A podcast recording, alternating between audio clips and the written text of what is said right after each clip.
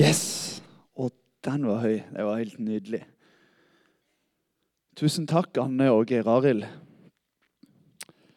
God søndag formiddag. Takk, Lian og Merete. God søndag formiddag. Jeg har det så fint i dag, for i dag så våkna jeg veldig, veldig, veldig tidlig.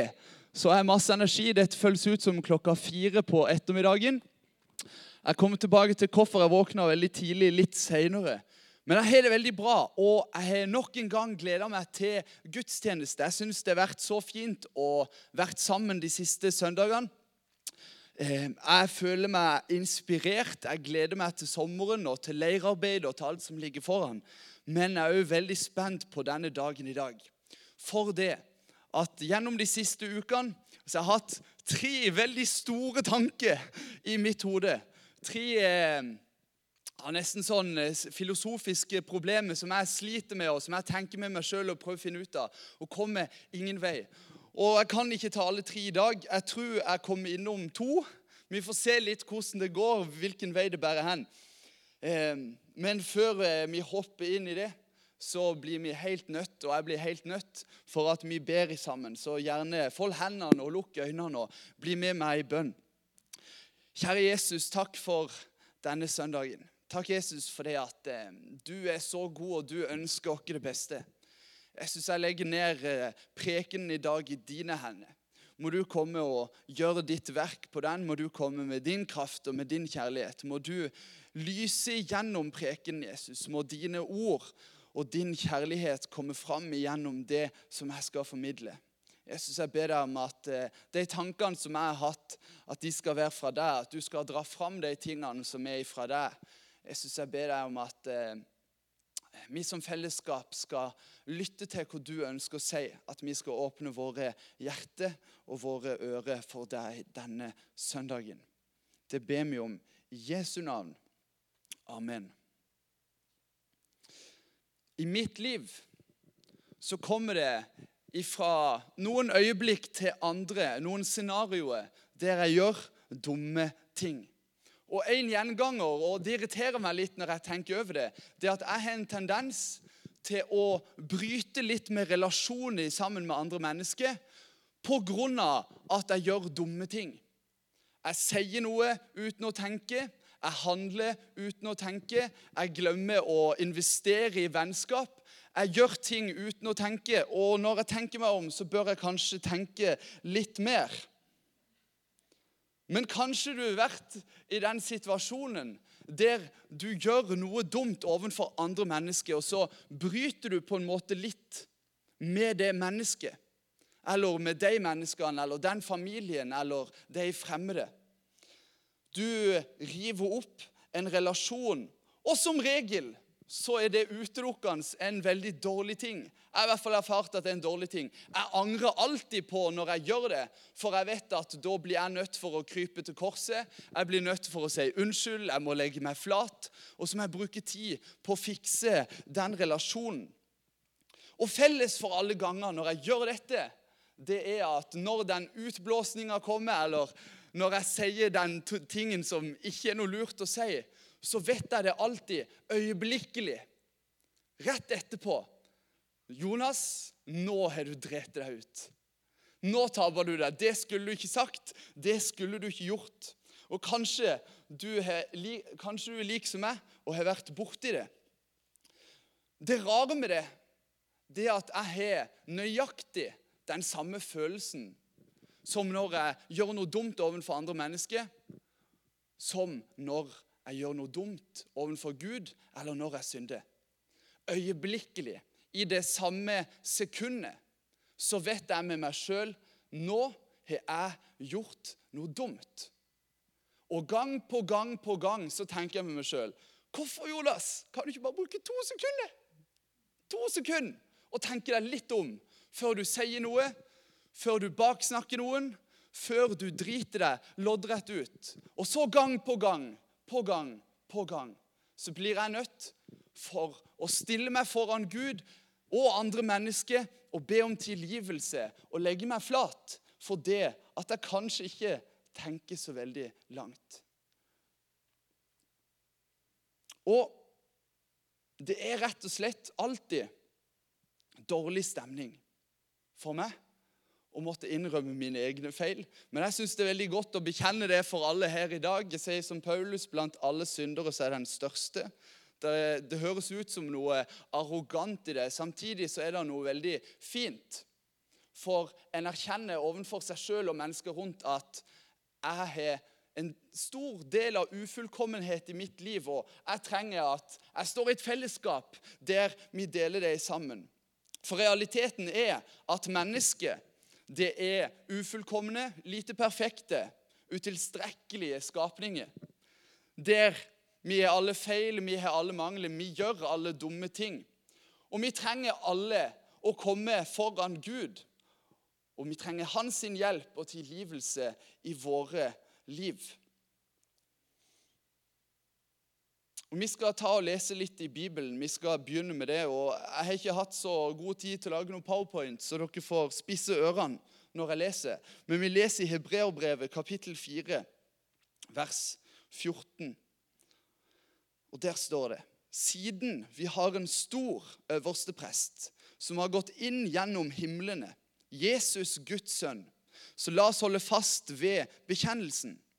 For vi har ikke en øverste prest, altså Jesus, som ikke kan lide med oss i vår svakhet, men en som er prøvet i alt på samme måte som vi.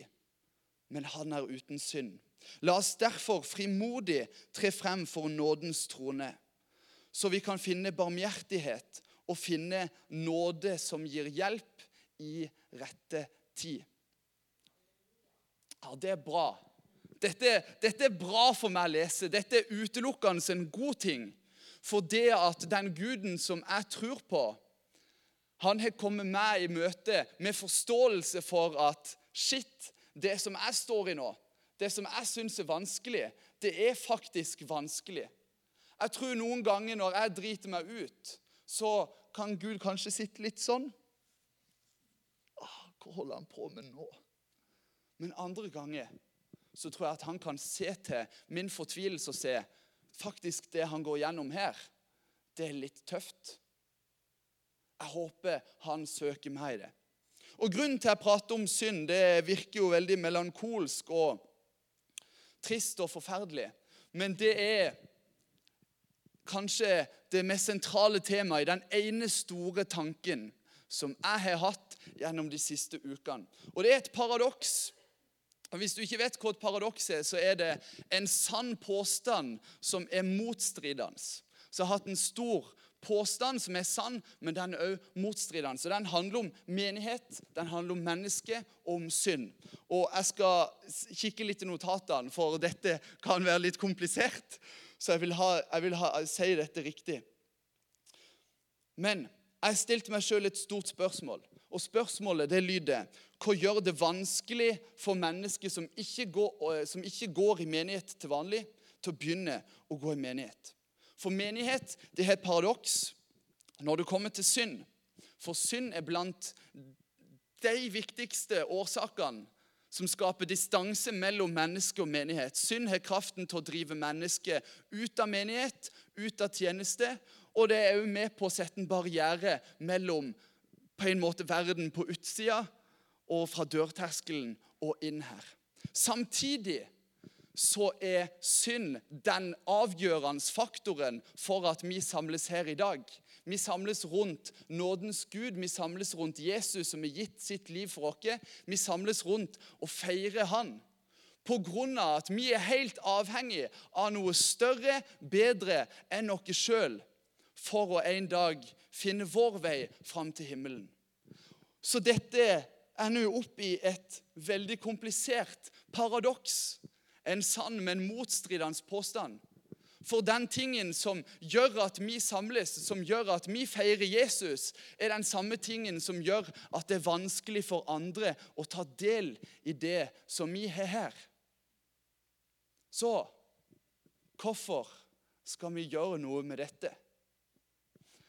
Vi prata mange søndager her om å nå ut til mennesker, om å dele evangeliet. Og jeg tror Det er grunnen til hvorfor vi skal ta tak i dette paradokset. Det er grunnen til hvorfor vi skal gjøre noe med dette. Vi, skal, vi har fått en befaling om å dele evangeliet, om å gjøre alle folkeslag til disipler. Jeg tror det er at menigheter som ikke ser nye mennesker komme til, ikke ser nye mennesker komme til tro eller besøke, det er menigheter som har faktisk et ganske alvorlig problem. For Jesus velger sine siste ord med omhu, tror jeg. og Han sier 'gå ut'. Og Vi kan gå ut forbi dette bygget til vår bygd. Vi kan reise til andre verdensdeler. Men jeg tror likt for oss alle her er at på en eller annen måte så kan vi dele evangeliet på tross av vår ufullkommenhet. Og det er hvorfor vi skal gjøre det. Spørsmålet som kanskje er enda vanskeligere å stille seg her, er hvordan i all verden skal vi forholde oss til andre mennesker som ikke deler det samme livssynet med oss? Ja, hvorfor skal vi skal gå ut, men hvordan skal vi gjøre dette? Og Jeg har tenkt så mye på dette. og i dag så vil dere ikke nødvendigvis få et fullstendig svar på det, for jeg tror ikke jeg har det. Men dere vil få noen av mine refleksjoner.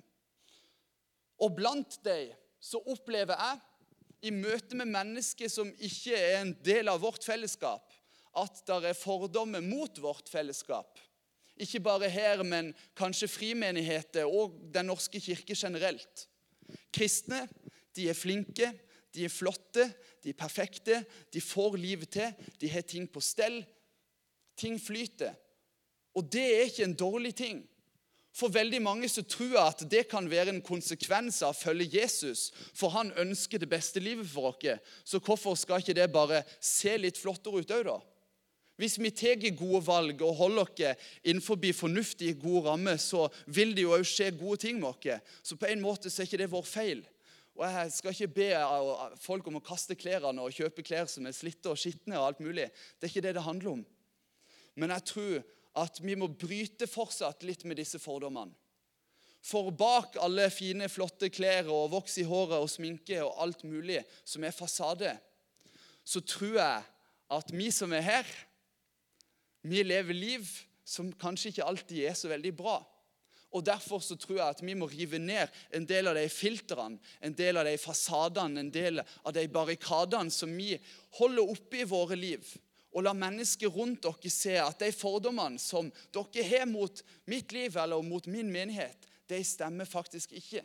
For når vi samles, så samles vi av den grunn at vi faktisk ikke er gode nok i oss sjøl.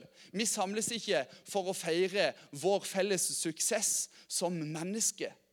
Vi samles ikke for å feire at vi har funnet svaret. Synd for dere som er på utsida. Vi samles fordi at vi trenger Jesus. Og Derfor så trenger vi å bryte litt med de falske fordommene som finnes. For den tingen som holder menneskene ute, er samme grunn for at vi samles her. Så hvordan kan vi kommunisere at vi samles her fordi at vi trenger Jesus, fordi at det er ting i våre liv som vi sliter med? Jeg ser at ting går litt vanskelig her for deg òg. Kanskje du òg skal være en del av det. For vi er et sykehus for de syke, ikke et museum for de perfekte. Det talte jeg om for noen søndager. Menigheten nei, Noen, veldig mange søndager siden. Men menigheten er ment til å være et sykehus for de som trenger hjelp. Ikke et museum, en oppstillingsplass for de som ser fine og flotte ut. Og det irriterer meg at sånn jeg lever livet mitt, kanskje kan være en bidragsyter til å skape enda større distanse mellom andre mennesker og Gud. Og Det er en, det en ydmykende tanke å ha om seg sjøl. Det er ikke noe behagelig å tenke det.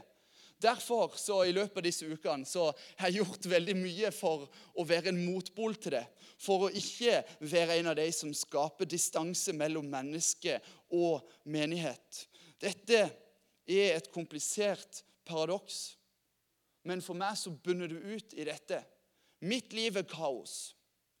Jeg ser at det er kaos i andre sine menneskers liv. Hvorfor kan vi ikke ha det litt kaos i sammen? Hvorfor kan vi ikke krype litt til korset i sammen? For vi er en stor gjeng med mennesker som trenger Guds nåde i våre liv. Og Jeg har en setning her som jeg skulle ønske sto i Bibelen. Jeg tror jeg har skrevet den sjøl, ellers har jeg blitt påvirka av noen andre. Men hvis det hadde stått i Bibelen, så hadde det vært mitt favorittvers i all ydmykhet.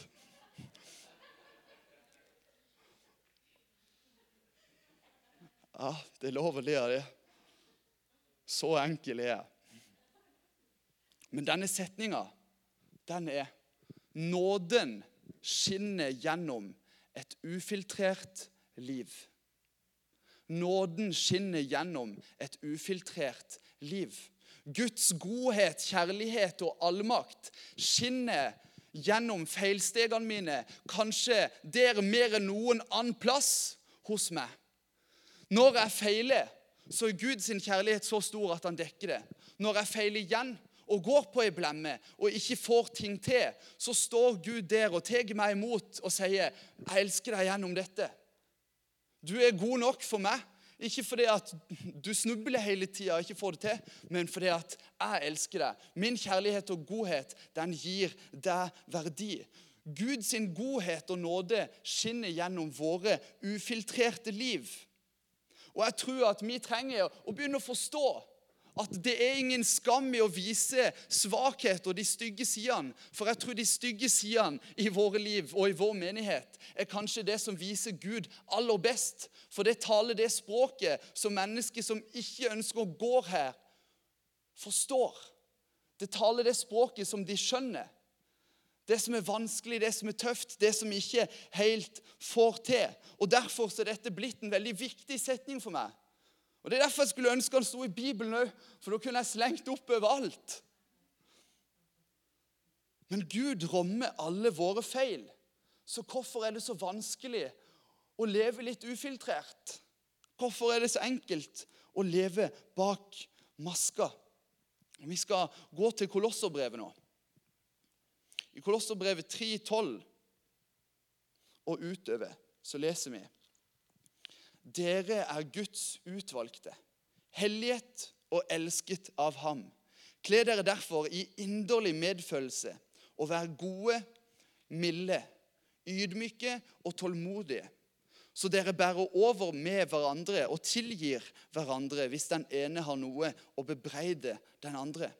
Som Herren har tilgitt dere, skal dere tilgi hverandre.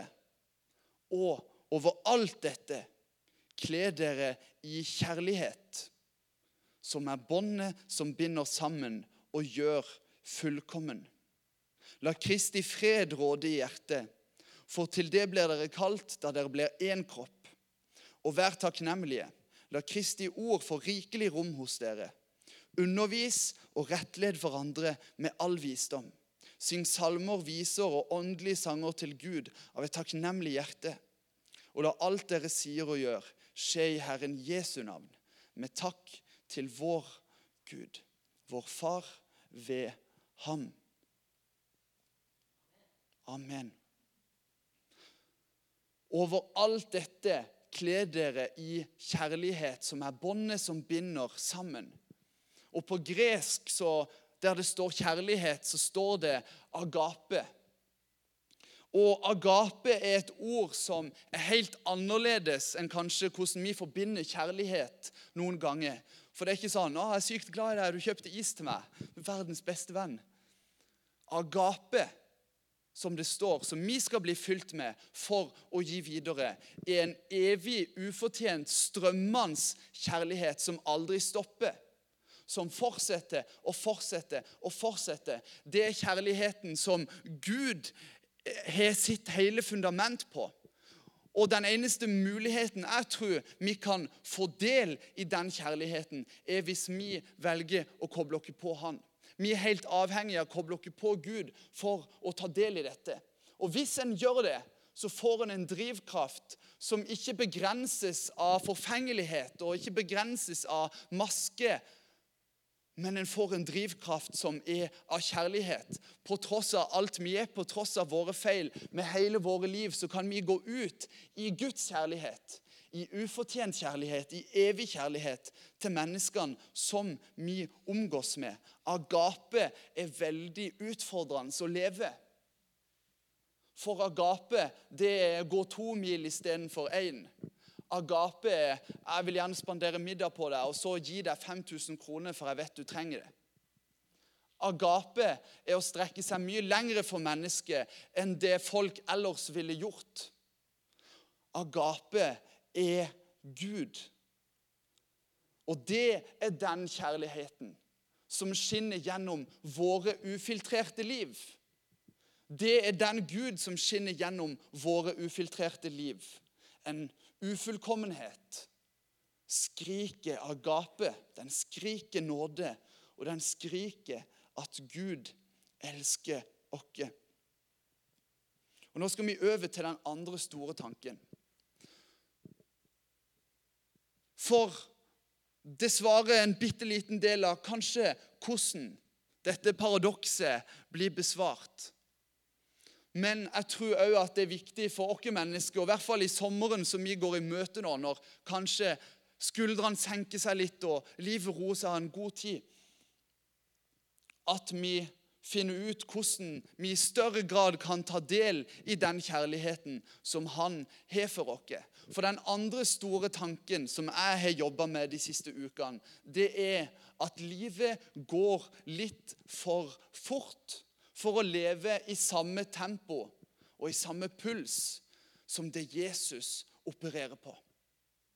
Hverdagen går litt for fort. Det er litt for mye som skjer for at det er lett å hive seg på den pulsen som han slår på. Det er for mye å gjøre. Det er for mange ting å tenke på. Jobben tar livet av meg. Familien Jeg strekker ikke til. Livet mitt er et rot og et kaos, og tempoet er skyhøyt. Og jeg må bare holde etter. Jeg må bare stå i denne spurten. Jeg er sliten, jeg kjenner ikke beina mine, men jeg må bare stå i det. Og så har jeg tenkt med meg sjøl i mitt liv Hva er det som faktisk hindrer meg i å ta de alvorlige grepene, i å senke tempoet litt, senke roen, senke tankene, for å faktisk finne ut hvordan finner jeg Guds kjærlighet til mitt liv best mulig? Hvilke grep kan jeg gjøre for å lære meg å koble på Gud på en bedre måte. For ja, jobb er viktig, og familie er viktig. Kanskje viktigere enn jobb. Men jeg tror òg at Gud oppi alt kaoset, når ting går veldig fort, har fort en tendens til å bli en av tingene som en springer etter når en har tid. Når jeg har fått gjort unna alt det andre, så skal jeg få meg tid til å sette ned. Jeg snudde rundt på den for et års tid siden. Jeg vil sette meg ned først, og så får jeg heller springe etterpå. Jeg vil heller søke først hans sitt rike. sant? Og så tror jeg virkelig at da skal alt det andre komme i tillegg til seinere. Og jeg har fått erfare i natt, og grunnen til jeg var våken så tidlig, hva som skjer når man tar seg tid til å stoppe opp og se omgivelsene som er rundt den. For 03.32 i natt Det er fryktelig tidlig. Så våkna jeg at min telefon ringte. La meg si deg det. Det er ikke det aller beste jeg vet, å bli vekka når jeg sover for lite. Det har våre ungdommer her fått erfare på leir. Det er særdeles dårlig stemning. Men det som skjedde i natt, det minner meg veldig om en erfaring jeg hadde med Øyvind Voksvold ganske tidlig etter jeg begynte her. For vi òg ringte han på natta etter en Alfred en fredag. Halv to ringer vi Øyvind. 'Hei, Øyvind. Nå blir du helt nødt for å komme med traktoren din og dra opp en bil av grøfta her.' Og Øyvind står opp, og han kommer og han drar opp bilen. Og stakkars ungdommen som er kjørt ut, spør i all forsiktighet er det, er det noe jeg kan betale deg som takk for hjelpa. Og så sier Øyvind en setning som jeg ikke forsto omfanget før i dag. Han sier det er ingen pris, det er ingen penger du kan gi meg som er verdt det for at jeg skal stå opp halv to på natta for å dra deg opp av denne grøfta. Det er ingen pris. Det er ingen penger. Og det forsto jeg i natt når jeg blir ringt og spurt. Hei, Jonas, du blir helt nødt for å kjøre meg hjem nå. Så sier jeg det skal jeg gjøre. Det er ikke noe problem. Så jeg står opp, og det er ikke før jeg setter meg i bilen at jeg faktisk ser på klokka. Jeg trodde hun var nærmere seks enn hun var fire. Jeg trodde det var morgenen. Men det, da var jeg allerede i bilen, så da var det for seint å snu uansett. Men så kjører han her, og jeg får samme spørsmålet. Hvor mye skal du ha? Ingenting, svarer jeg. For det er ingen pris som er verdt å betale for at du vekker meg midt på natta sånn jeg skal kjøre deg. Og så Etter jeg har kjørt den første gjengen, så ringer de andre som er på samme plass. og Så skal de til Lyngdal, og så kjører jeg dem òg. Og så er jeg hjemme rundt kvart på seks i dag tidlig. Og så tenker jeg med meg sjøl det er bare én ting for meg som er verdt det for at jeg skal stå opp midt på natta. Og det er at jeg er drevet av en annen kjærlighet. Så kan jeg komme i den situasjonen i møte med disse menneskene med mitt ufiltrerte liv. Trøtt, fæl, sliten, i shorts, ustelt. Akkurat som jeg er når jeg våkner etter to og en halv time søvn. Så kan jeg komme med Guds fulle kjærlighet inn i deg sin situasjon og velsigne en ganske håpløs situasjon. For å være på Bårå midt på natta når du skal til Lyngdal, og ingen kjører, er ikke alltid så veldig lett å fikse. Og så forstår jeg jo hvorfor Øyvind valgte å si det er ingen pris. For Øyvind han sto ikke opp midt på natta for det at han ville forvente å få 500-600 kroner for å dra han opp. Nei, Øyvind han var på lik linje som meg. Eller kanskje er på lik linje som han, drevet av noe større. Drevet av Guds kjærlighet til å gjøre en forskjell i menneskets liv. Og når en kommer disse menneskene i møte, så vil aldri de se til hvordan du ser ut, eller hvordan livet ditt er på stell eller ikke er på stell. De vil alltid se etter den gjerninga som du gjør for dem. Det at du strekker deg helt usannsynlig og ufortjent langt for dem. At du gjør noe for dem som de ikke forventer. Og jeg tror at det er med å bryte ned disse fordommene som mennesker setter opp rundt menighet. For menighet er alle våre liv. Så hvis alle vi som er her, faktisk stopper opp, tar oss tid, ser på omgivelsene våre og går disse menneskene i møte litt ufiltrert, så vil den dørterskelen vår være så lav at det er nervebakke på innsida av døra. Parkeringsplassen vil helle mot bygget, inn mot gudstjeneste, for det at mennesket vil ikke ha noe annet enn godt å si om oss. Jeg lærte av Øyvind for mange år siden uten å vite det. At det er ingen pris som er verdt å betale for å hjelpe med andre mennesker. Men jeg tror det at vi kan bli fylt med en kjærlighet fra Gud som kan gjøre enormt mye forskjell i andre menneskers liv. Kanskje ikke vi ser det i dag. Kanskje jeg ikke får se det i løpet av det neste året, at det skjer noe i det sitt liv. Men jeg har full tiltro til at når den dagen kommer, når livet står på som verst for disse menneskene, så tror jeg ikke Kirka, så tror jeg ikke jeg, så tror jeg ikke andre kristne de kjenner, vil være langt unna. For det at de har fått erfare at Guds godhet og nåde skinner gjennom ett ufiltrert liv. Vi skal ta og be sammen. Kjære Jesus, takk for din godhet. Takk, Jesus, for det at du ønsker å bruke oss i våre feil og i våre mangler. Jesus ønsker å, å legge ned denne søndagen for deg, Jesus. Jeg ber om at dette skal være en søndag til tilbedelse, Jesus. Det skal være en søndag for å takke deg og prise deg for alt det gode som du gjør for våre liv. Jeg ønsker å be for alle menneskene som sitter her. Jeg syns jeg ber deg om at vi skal få en brann for å leve ufiltrert, for å nå mennesket for deg. Jeg ber deg om at vi skal få en brann for mennesket i bygda vår, i nabokommunen vår, i familien vår, Jesus. At vi skal få en brann for mennesket som trenger din godhet og kjærlighet. Takk for det at du er et fundament av agape, av evig ufortjent kjærlighet Jesus, som strømmer over våre liv. Og Jeg ber deg om at vi denne sommeren skal klare å take tid til å stoppe opp og kunne se alt det gode du gjør. Og stoppe opp og se alle de situasjonene og menneskene som trenger din kjærlighet gjennom våre liv. I Jesu navn. Amen.